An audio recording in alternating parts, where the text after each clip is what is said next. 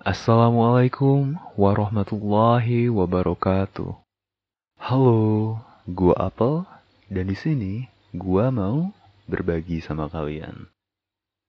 Di episode Jumat kali ini, gua mau cerita tentang hamba Allah yang beribadah selama 500 tahun. Diriwayatkan dari Jabir bahwa Rasulullah Shallallahu Alaihi Wasallam pernah bersabda, "Teman karibku, Jibril, baru saja datang kepadaku dan berkata, Hai Muhammad, demi dia yang mengutusmu sebagai nabi, sesungguhnya Allah punya seorang hamba yang beribadah kepadanya selama 500 tahun.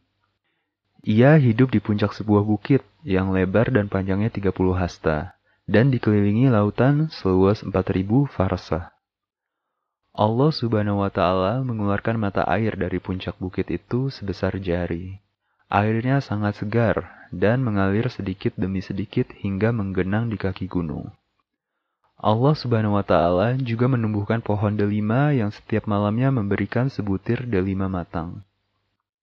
Bila sore tiba, si hamba turun ke bawah bukit untuk berwudu sambil memetik buah delima yang telah matang untuk dimakan. Setelah itu, ia mendirikan sholat. Ia memohon kepada Allah agar kelak dia diwafatkan dalam keadaan bersujud dan agar jasadnya tidak dirusak oleh tanah atau selainnya, sehingga nanti ia dibangkitkan dalam keadaan bersujud juga. Demikianlah setiap kali kami, Jibril, lewat di hadapannya. Baik saat kami menuruni maupun menaiki gunung, kami mendapatinya selalu bersujud. Kami tahu, pada hari kiamat nanti, ia akan dihadapkan pada Allah dalam keadaan bersujud. Di hari akhirat nanti, Allah Subhanahu wa Ta'ala menyuruh malaikat, "Masukkanlah hambaku itu ke dalam surga dengan limpah rahmatku."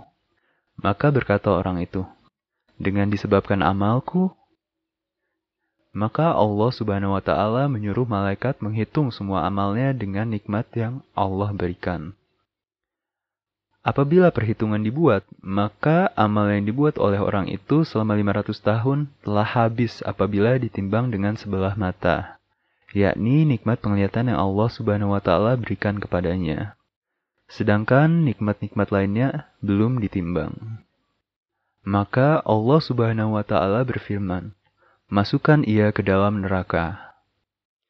Apabila ia ditarik ke neraka, maka ia pun berkata, "Ya Allah, Masukkanlah aku ke dalam surga dengan rahmatmu.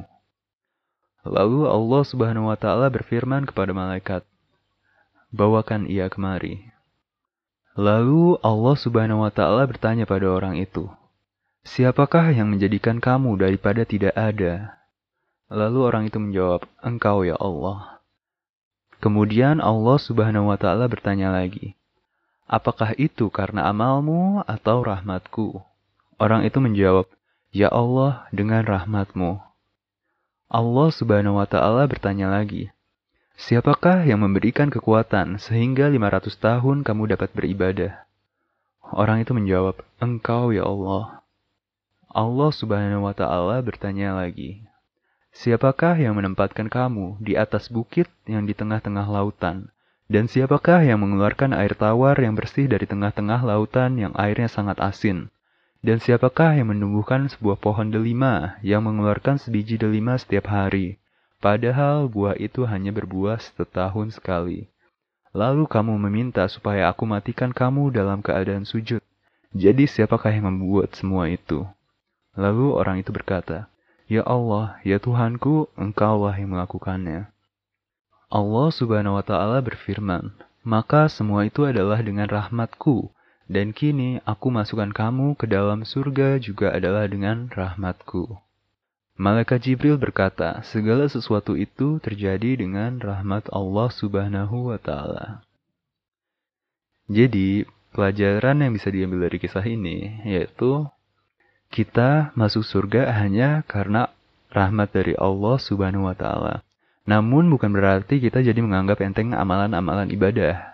Justru, kita beribadah dengan harapan, dengan tujuan untuk mendapatkan rahmat Allah tersebut.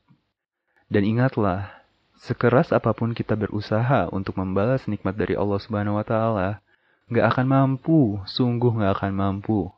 Terlalu banyak nikmat Allah yang telah berikan kepada kita. Kita bisa beribadah pun karena izin dan nikmat dari Allah Subhanahu wa Ta'ala.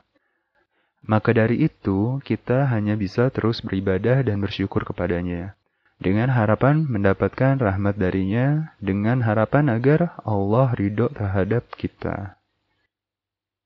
Sekian untuk episode kali ini, sampai jumpa lagi.